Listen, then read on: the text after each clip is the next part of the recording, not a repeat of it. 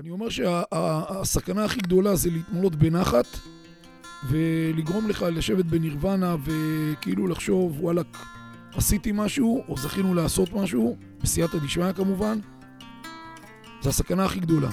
אתה כל הזמן צריך לשאול איך אתה סוגר פערים, איך אתה כובש פסגות חדשות. ברגע שאתה יושב על הכורסה ואומר, וואלכ, מקבל את הנחת, אתה גמרת על החיים שלך. היי, hey, אז ברוכים הבאים לפרק הראשון בפודקאסט סיפורה של מכינה, הפודקאסט מבית uh, מוסדות בדואל. כאן איתכם היום uh, ירון בניון, מדריך uh, שנה ו' במכינת בדואל. Uh, והיום אירחתי את uh, הרב מאיר כץ, מקים המכינה, ומי שבמשך 32 שנה מוביל ומנהל את המכינה.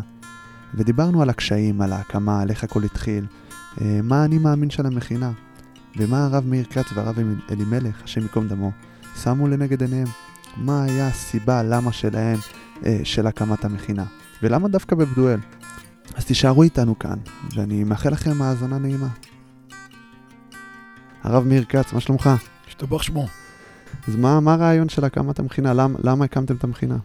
אז המכינה הוקמה אה, בתור אה, דבר שהתגלגל אה, מתקופה שלימדתי בתיכון, זה היה תיכון אה, במעלה בפתח תקווה, תיכון מקיף, אזורי, שהתחלתי ללמד שם כמחנך של אה, כיתה י"ב, שנה ראשונה בחינוך, בהוראה בכלל, ועשיתי כל הזמן אה, אה, מחזורים של י"א, י"ב, י"א, י"ב, י"א, י"ב, ובאיזשהו שלב הגעתי למסקנה שבית ספר זה לא באמת אה, מקום שמחנך את האנשים, יותר, יותר אה, מה שנקרא נוטע בהם השכלה, והמטרה שלו זה הידע ולא האישיות. והבנתי שאם אני רוצה ללמד את הדברים האמיתיים של היהדות, אני לא יכול להסתפק בהישגים לבגרות שנקראים דפי גמרא או פרקי תנ"ך או דברים מהסוג המחשבת ישראל, הלכה, אלא צריך לקחת אותם אה, לזמני האישי, הפרטי, וככה נולד אה, מין חוג כזה שהיה בהתנדבות, בהתנדבות מבחינתם אה, של פעמיים בשבוע, אה, שמוזמנים אליי הביתה.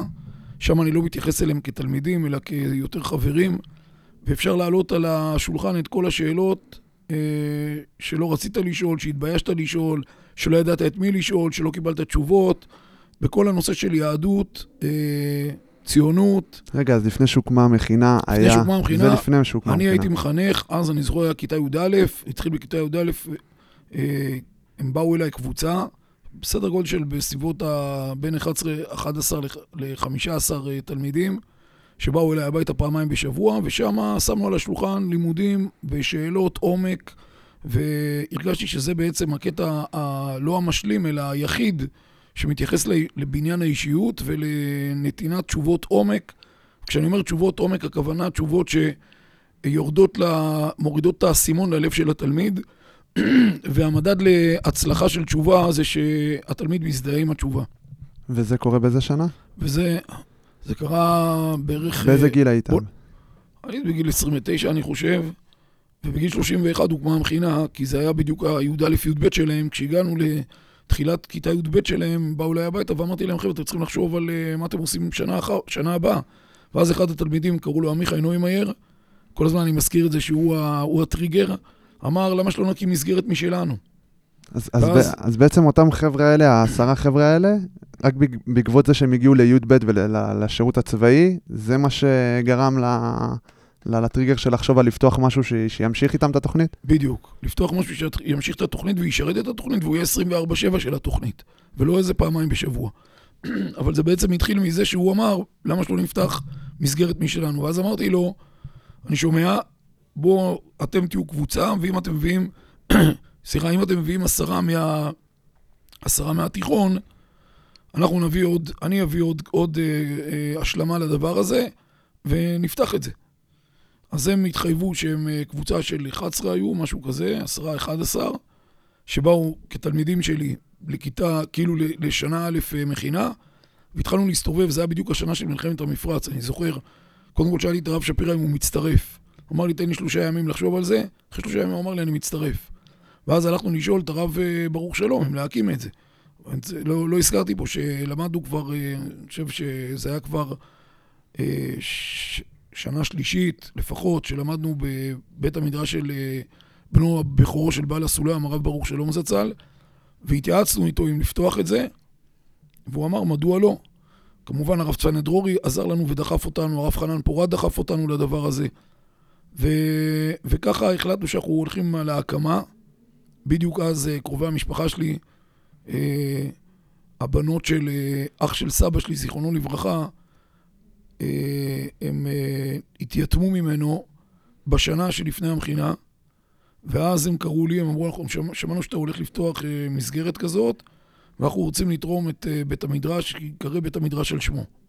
וואו, זה כאילו קרה בדיוק ב... זה באותם- קרה בטיימינג כזה כן. משמיים, ואז אה, הם התחילו ללוות אותנו, עד היום הם מלווים אותנו, ואמרתי להם, תקשיבו, אני לא רוצה שתהיה פה הונאה, זה לא הולך להיות ישיבה כמו שאתם מכירים, כי הם באו יותר ממסגרות חרדיות ומסגרות אה, ממוסדות. אני ידעתי מה הולך להקים, שהולך להקים משהו משוגע כזה, לא, לא משהו סטנדרטי, ומה שיוביל אותי זה מה מחנך באמת, ולכן כל הערוצים פתוחים וכל הדרכים פתוחות, ומבחינתי הכל פתוח, ולכן אמרתי להם מראש, תצפו שזה לא יהיה מה שאתם אה, מבינים, ולא ייראה כמו שאתם מצפים, ואם אתם זורמים איתי, אז אה, מצוין, סבבה, נלך ביחד.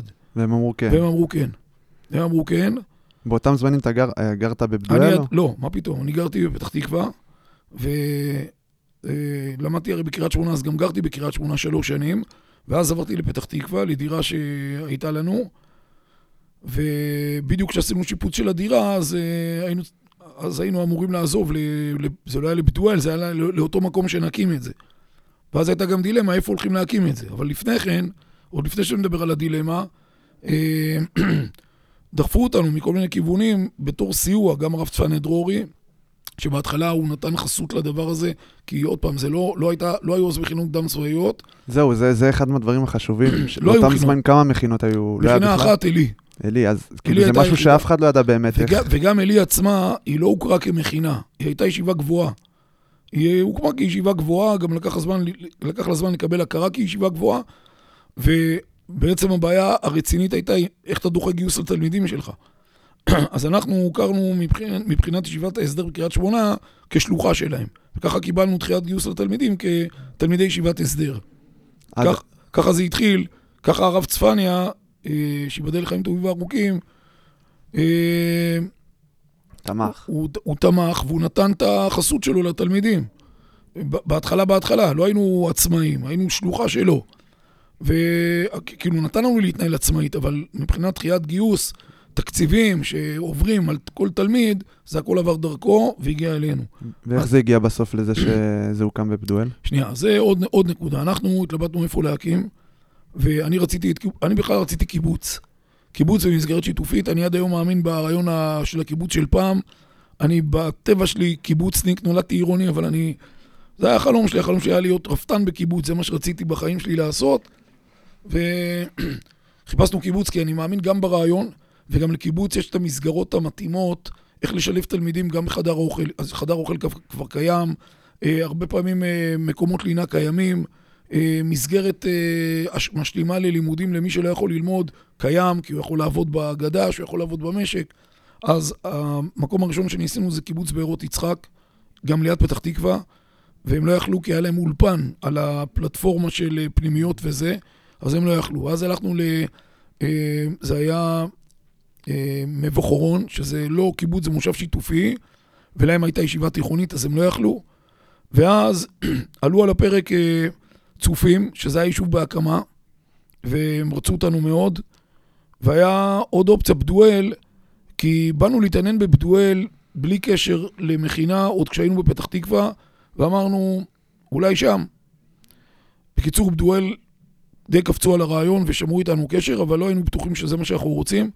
ואז הלכנו לבני קצובר, שהוא היה ראש מועצה, שומר... ראש מועצה אזורית שומרון, הוא אמר לנו את המשפט הבא, אם אתם רוצים לתרום תרומה ציונית אמיתית, לכו לבדואל, כי זה חור שלא מצ... יישוב שלא מצליח להרים את עצמו.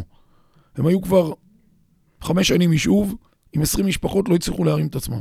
צריך להבין, היישוב הזה היה יישוב במקום מבודד, אין כביש חמש, אין את החיבור, כל הנסיעה זה דרך כפרים ערביים, המקום הכי טוב לנסוע זה רנטיס, זה כאילו הדרך הכי בטוחה או הכי נוחה, וכשיורדים גשמים, כל הוודיות מוצפים והיישוב מנותק, אין, אין יוצא ואין בא.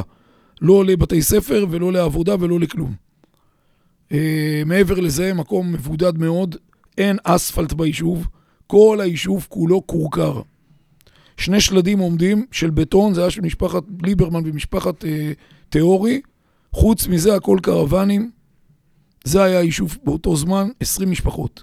ואתה רואה את זה ואומר, אני הולך על זה? ואני, בדיוק, וזה מה שגרם לנו, מה שבני קצובר אמר לנו, אמרנו, אנחנו, אנחנו באים להקריב, אנחנו באים לציונות, אנחנו הולכים על זה.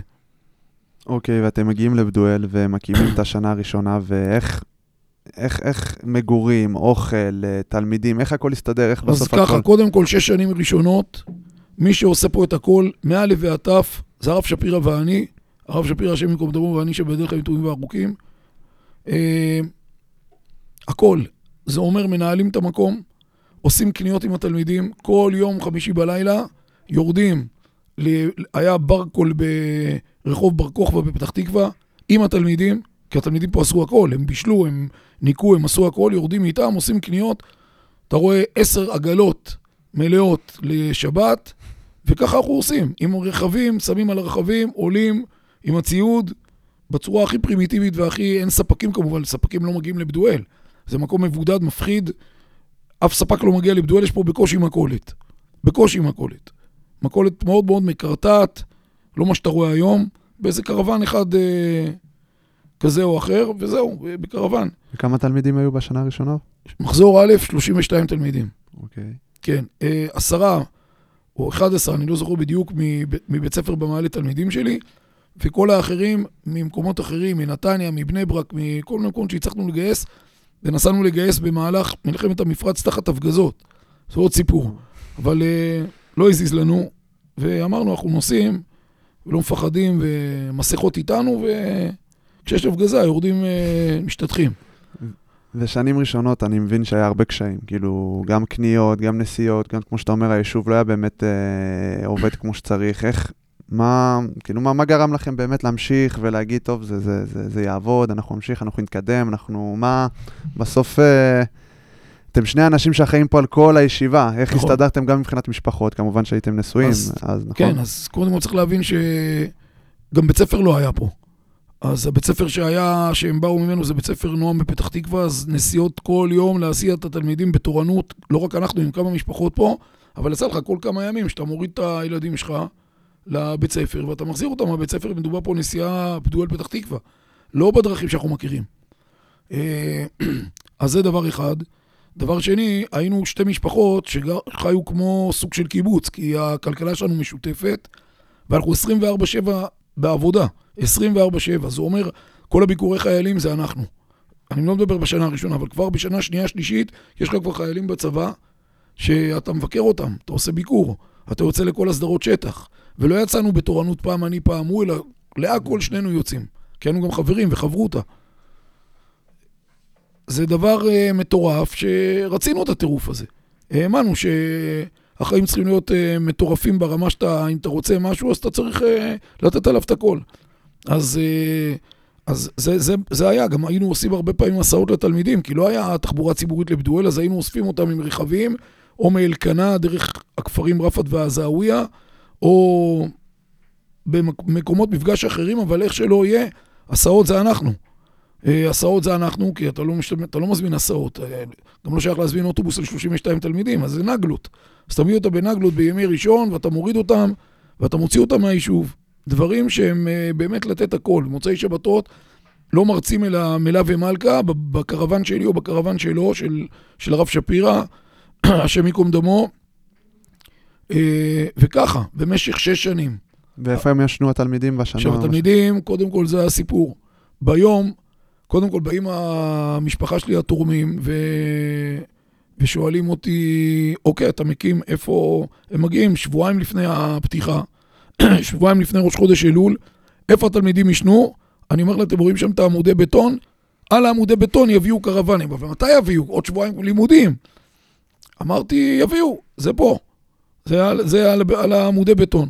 ביום שאני עליתי עם המשפחה, אני עליתי שבוע אחרי שהרב שפירא עלה, הוא עלה שבוע קודם. ביום, אני עליתי ב, ביום, ממש ביום של תחילת הלימודים, איך שאני עולה ליישוב עם ההסעה של ההובלות, שבא להוריד את הדברים שלי מפתח תקווה, מאחוריי הסמי טריילר עם הקרוונים של התלמידים. קרוונים חדשים מניילונים. זה הג'באליה של היום. ו...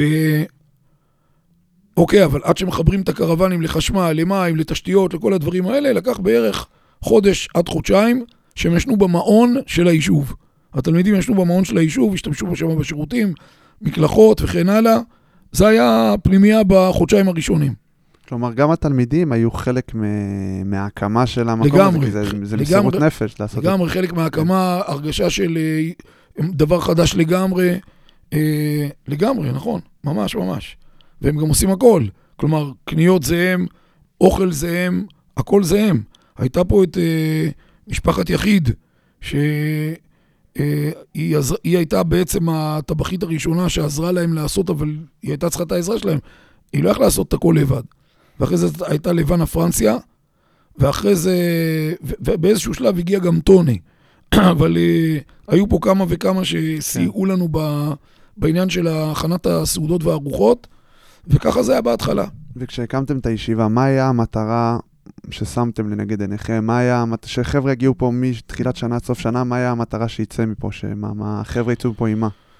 תראה, המטרה היא כל הזמן אותה מטרה, היא לא השתנתה לגמרי, והמטרה היא לחבר את הבן אדם לריבונו של עולם. פשוטו כמשמעו, אבל בצורה הכי עצימה והכי חזקה, וכמו שלמדנו מתורתו של בעל הסולם, שהיא בעצם מבחינתנו אבי, אבי אבות תורות החסידות, אבל אנחנו הבנו שהחסידות ועמוק יותר הקבלה, זה הדבר שהדור הזה צריך, זה הדבר שידבר אל הנוער. המטרה שלנו הייתה להנגיש את זה, המטרה שלנו הייתה לעשות פה, כמו שישיבת מרכז הרב קוראת לעצמה הישיבה המרכזית העולמית, שיהיה פה מרכז החסידות העולמי. ומה הכוונה מרכז החסידות העולמי? קודם כל המטרה זה התלמיד, והתלמיד צריך לדעת את, את התרבות של העם שלו, שזה במילים יותר תורניות, לדעת את התורה, ולדעת אותה לא רק בפן המעשי והיבש, אלא בפן המוטיבטיבי ובפן המטרתי, מה המטרה של כל התורה. לס- לסמן לו את המטרות, להגיע אל הלב שלו, ולהגיע אל הלב זה עבודה מפה ועד להודעה חדשה. כי הלבבות שונים אחד מהשני, ואנשים מגיעים עם רקעים שונים, והשאלות שונות, וכל אחד צריך לחדור ללב שלו, וזו המטרה.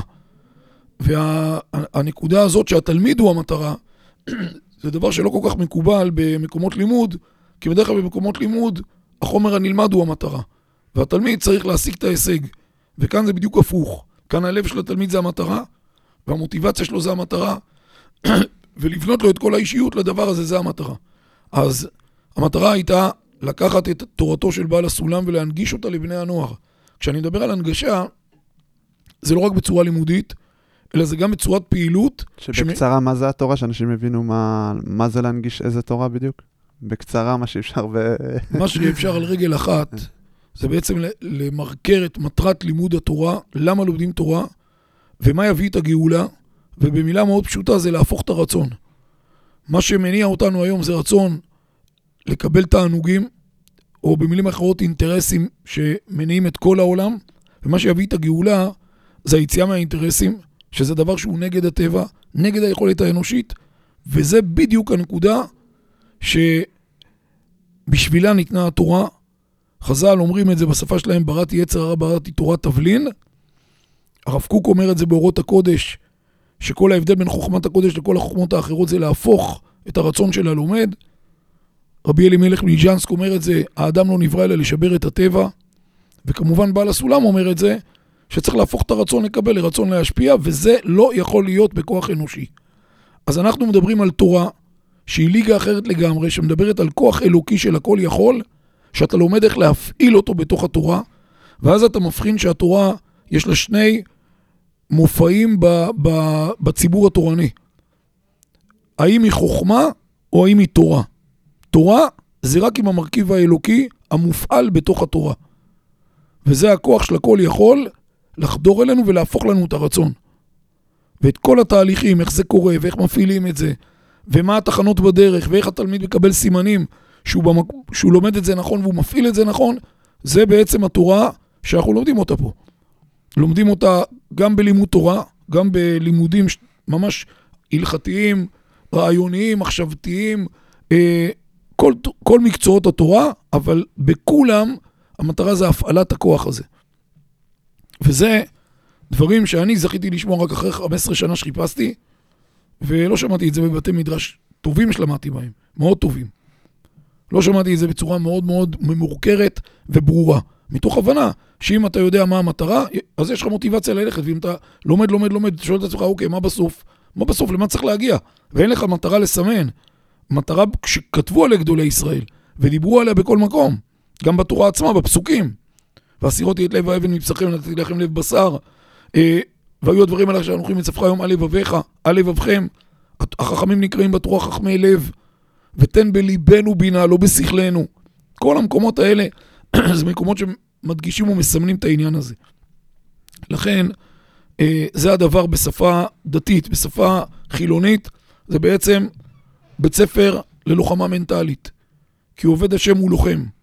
והלוחם בעובד השם, על הפלטפורמה שלו, תלביש על זה M16, תלביש על זה מאג, תלביש על זה נגב, תלביש על זה אה, F16, אה, F35, לא משנה מה, תמיד אתה צריך את המנוע של הלוחם המוטיבטיבי, שהוא בעצם היהודי האמיתי שמנסה להתחבר לריבונו של עולם, וכל חייו נלחם את המלחמה כדי לתקן את עצמו ולהגיע לכשירות הזאת. לכן, מאוד מאוד נוח על פלטפורמה של הכנה לצה"ל, לבנות את הפלטפורמה של עובד השם. הבנתי, ואם אנחנו שנייה חוזרים ל- ל- לסיפור של ההקמה של המכינה, יש לך איזה סיפור אחד על קושי שהגיע, שאמרתם, אה, בואנה, זה קושי שיכול להיות שהוא מפסיק לנו את הפעילות. משהו, סיפור אחד ש... ש... היו הרבה סיפורים, אבל... אה, אפשר אחד, לספר לא, אחד. לא משהו שמפסיק את הפעילות, אבל משהו שהוא אה, יכול להיות אה, סוג של אסון צפית או דברים מהסוג הזה. שאסון צפית זה מהשנים האחרונות, כן? כן, זה אני- כאילו, בוא נגיד, אה, אבן, אה, אבן דרך בדרכם של המכינות. אז לא היה לנו, לא היה לנו דבר כזה, ברוך השם, למזלנו ולשמחתנו, אבל אה, אז אתה אומר שהכל הלך תראה, חלק. היה- היו לנו המון המון מאבקים פה ביישוב עם היישוב. היישוב אה, רצה שהמכינה תוקם במבנה קבע שלה בצומת דואל- פדואל זהב, ואנחנו התעקשנו על המקום הזה. ועל הדבר הזה כמעט עזבנו את המקום. אה, הרב מרדכי אליהו אמר לנו, זכר צדיק לברכה, שאם לא מאפשרים לנו פה לעשות את החינוך שאנחנו רוצים, גם יתערבו לנו בפעילות ועוד בהרבה דברים, אז אה, שנעזוב. ואנחנו אה, הולכים לדניאלה וייס, שהייתה ראש מועצת קדומים, ואומרים לה, הרב מרדכי אליהו אמר לנו שאנחנו נעזוב. הוא אמר לנו, אבל תשמרו על השם מכינת דואל או ישיבת דואל, אל תשנו את השם. היא רצתה לתת לנו את מצפה ישי, שזה מקום ענק, גבעה. ושמו כבר שם שלט, פה תוקם מכינה, ישיבת דואל. זה היה לפני אה, חופשת פסח, ובחופשת פסח היה טיול מועצתי אה, באזור קדומים, ופתאום אנשי היישוב עוברים שם ורואים שלט, פה תוקם ישיבת דואל. שאלו מה קורה. ואז הם הבינו שאנחנו הולכים לעזוב. הייתה בו מלחמת עולם בתוך הרחובות ביישוב בין תושבים, כן, כן להשאיר את הישיבה, לא להשאיר את הישיבה. בסופו של דבר הם, אה, הם, עשו, הם הלכו לרב מרדכי אליהו והתחננו שיחזור בו ויגיד לנו להישאר. ואז אה, כתוצאה מהדבר הזה הם עשו אספת חברים, איפה תוקם הישיבה ומה יהיו, מה יהיה החוזה בין היישוב לישיבה, ושהם לא מתערבים לנו בחינוך, ועוד כל מיני דברים מהסוג הזה. בקיצור, הסכם, כתוב, חוזה, אה, ועל בסיס הדבר הזה הרב מרדכי אליהו אמר, אה, אם ככה, אז תישארו. אז זה היה, נגיד, דבר שהוא, כן. אה, מה שנקרא, סוג של הגיעו מים עד נפש. כבר הבאנו את התורמים לשם, לראות שאת כל התוכניות בנייה מעתיקים לשם, והם הסכימו לזרום איתנו. אז זה למשל אה, דבר מאוד מאוד רציני. הבנתי. ודי אז עד היום, 32 שנים, המכינה קיימת, נכון? כן. ומה ממשיך להניע את הרב עוד היום להמשיך ולהקים כל שנה מחדש את הישיבה עם אותה תורה, עם אותה, רמ- אותם רעיונות, עם אותה... מה, מה ממשיך להניע אותו? זהו, אז תראה, בוא נגיד ככה, אם הייתי מלמד פה חומר, אז חומר באיזשהו מקום נהיה אותו חומר. אתה מלמד מתמטיקה, אז אתה תלמד 32 שנה אותו דבר, אז אתה נשחק. העניין הוא שסוד ה... הסוד האנרגטי זה קודם כל, באמונה שלמה אני אומר, ריבונו של עולם. הוא נותן כוחות, וזה כתוב גם בכתבים, הרבי פיאסצה מדבר על זה, שאדם ששמים אותו בתפקיד מסוים מקבל את הכוחות לתפקיד. ממי הוא מקבל? מריבונו של עולם. באמת, אה, העבודה פה 24-7, ואני מודה לקדוש ברוך הוא על כל דקה מה-24-7 האלה. זה משמח אותי, והאי שחיקה היא נעשית מסיבה מאוד פשוטה. ב-32 שנה אתה כל שנה מקבל פה ספרים חדשים. לא הספרים על המדפים, הספרים שלך זה התלמידים. ועליהם אתה כותב את הסיפור.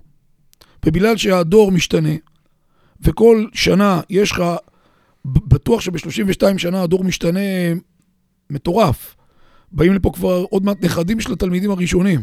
ילדים שלהם כבר היו פה, או נמצאים פה. אבל עוד מעט יגיעו גם הנכדים. והשאלות, האופי, הספרים האלה שהם התלמידים, שעליהם אתה כותב את סיפור החיים שלהם, זה כל הזמן מתחדש, זה כל הזמן משתנה. הנעלם כל פעם הוא נעלם חדש, ו, ואתה לומד מודיעין, כמו בצבא, אתה מקבל, אתה אוסף מודיעין על, ה, על החומר שאתה הולך לקבל, ואתה בהפתעה גמורה, בלוחמה וטרור קוראים לזה תרגילי הפתעה, ואתה מסתער על, על, על, על ההפתעה בשמחה, כי אתה אומר, כל פעם יש לך אתגר חדש. התורה לא משתנית, אבל צורת ההנגשה שלה, ואיך אתה מחדיר את זה ללב של התלמיד, איזה חריטות אתה עושה לו, איזה טראומות חיוביות אתה עושה לו של החדרת ערכי התורה לתוך הנשמה שלו, שהוא ישרוק את זה, שהוא יחלום על זה, שהוא אה, יחיה את זה. כל חייו, זה אתגר מטורף, וזה דורש גם דרכים מטורפות, או אם נשתמש בשפה קצת יותר עדינה, דרכים סטארטאפיסטיות, או חינוך סטארטאפיסטי, שכל הזמן מנסה לחתור למגע עם הלב של התלמיד, וכל פעם שואל את עצמו, איזה טריק אני עושה עכשיו, איזה תרגיל חדש אני עושה עכשיו, איזה אה, יצירתיות חדשה אני עושה עכשיו, כדי להפתיע, כדי לחדור, כדי, כדי שהדברים האלה יחרטו בליבו, לעומת 18 שנה, שלא היה לו כלום מזה והיה לו הפוך מזה. אוקיי, okay, ואם יש לך איזה משהו אחרון שתרצה להגיד על הסיפור של ההקמה, של המכינה, משהו, סיפור שלך אישית שאתה רוצה לספר, שאנשים ידעו. א', אין לי עניין לספר סיפור אישי. ובגדול, אני אומר, אה, אני אומר שהסכנה הכי גדולה זה להתמלות בנחת, ולגרום לך לשבת בנירוונה וכאילו לחשוב, וואלכ, עשיתי משהו, או זכינו לעשות משהו, בסייעתא דשמיא כמובן, זה הסכנה הכי גדולה. אתה כל הזמן צריך לשאול איך אתה סוגר פערים, איך אתה כובש פסגות חדשות. ברגע שאתה יושב על הכורסה ואומר, וואלכ, מקבל את הנחת, אתה גמרת על החיים שלך. זו סכנה מאוד גדולה. ולכן המתח הזה כל הזמן קיים בי. אה, אני לא יכול להגיד לך שאין לי נחת, יש נחת, אבל כל הזמן הקדוש ברוך הוא נותן לך את הבומבות כדי שלא תוכל לשבת בנחת. והבומבות האלה הן אה, כל הזמן ממרצות אותך, גורמים לך, גורמים לך כל הזמן למרץ, שיש המון מה לעשות, ואתה לא יכול לחכות רגע, והטיימינג, הטיימינג הוא דבר, הוא מרכיב מאוד מאוד משמעותי בחינוך הזה של השנה, כי השנה רצה, ותוך כדי השנה באים שבושים, וכל דבר יש לו, את ה, יש לו המון המון השלכות. כל פעילות שאתה עושה, לחשוב על כל כיווני ההשלכות שלה. אני מדבר עוד מעבר לניהול הסיכונים וכל ה... איך אני לא מותח את החבל יותר מדי, איך אני לא שובר אנשים, איך אני, איך אני אומר לבן אדם את המילים הנכונות, איך כולנו כצוות אומרים את המילים הנכונות, אבל הקדוש ברוך הוא עוזר, אתה, אתה רואה, הוא מפתח פה, אחד הדברים שהכי מדהימים אותי והכי משמחים אותי זה שכל הצוות פה זה בוגרים. זה פשוט דבר שהוא, הוא, אה, הוא, הוא, הוא, בוא נגיד טיפ מאוד מאוד רציני, כשאני גם מדבר עם שבושים ואומר להם, תקשיבו, כל רם שתפגוש, כל מדריך שתפגוש, כל מי שיעסוק איתך בהכנה לצה"ל, עבר את כל מה שאתה עובר, אתה יכול לדבר איתו על הכל, כל משפחה מלווה שאתה תפגוש, זה חבר'ה שעברו פה ועשו פה את כל מה שאתה עושה. וכשהוא מקבל את, ה, את, ה, את העטיפה הזאת מכל כך הרבה אנשים שעברו את זה, זה נותן לו הרבה, הרבה כוח. אבל עדיין, לפני כל הישרדות, בגלל שהדור נהיה יותר ויותר מפונק, אז כל אקט שאתה עושה, הוא קשר פי מיליון מהמחזורים הראשונים.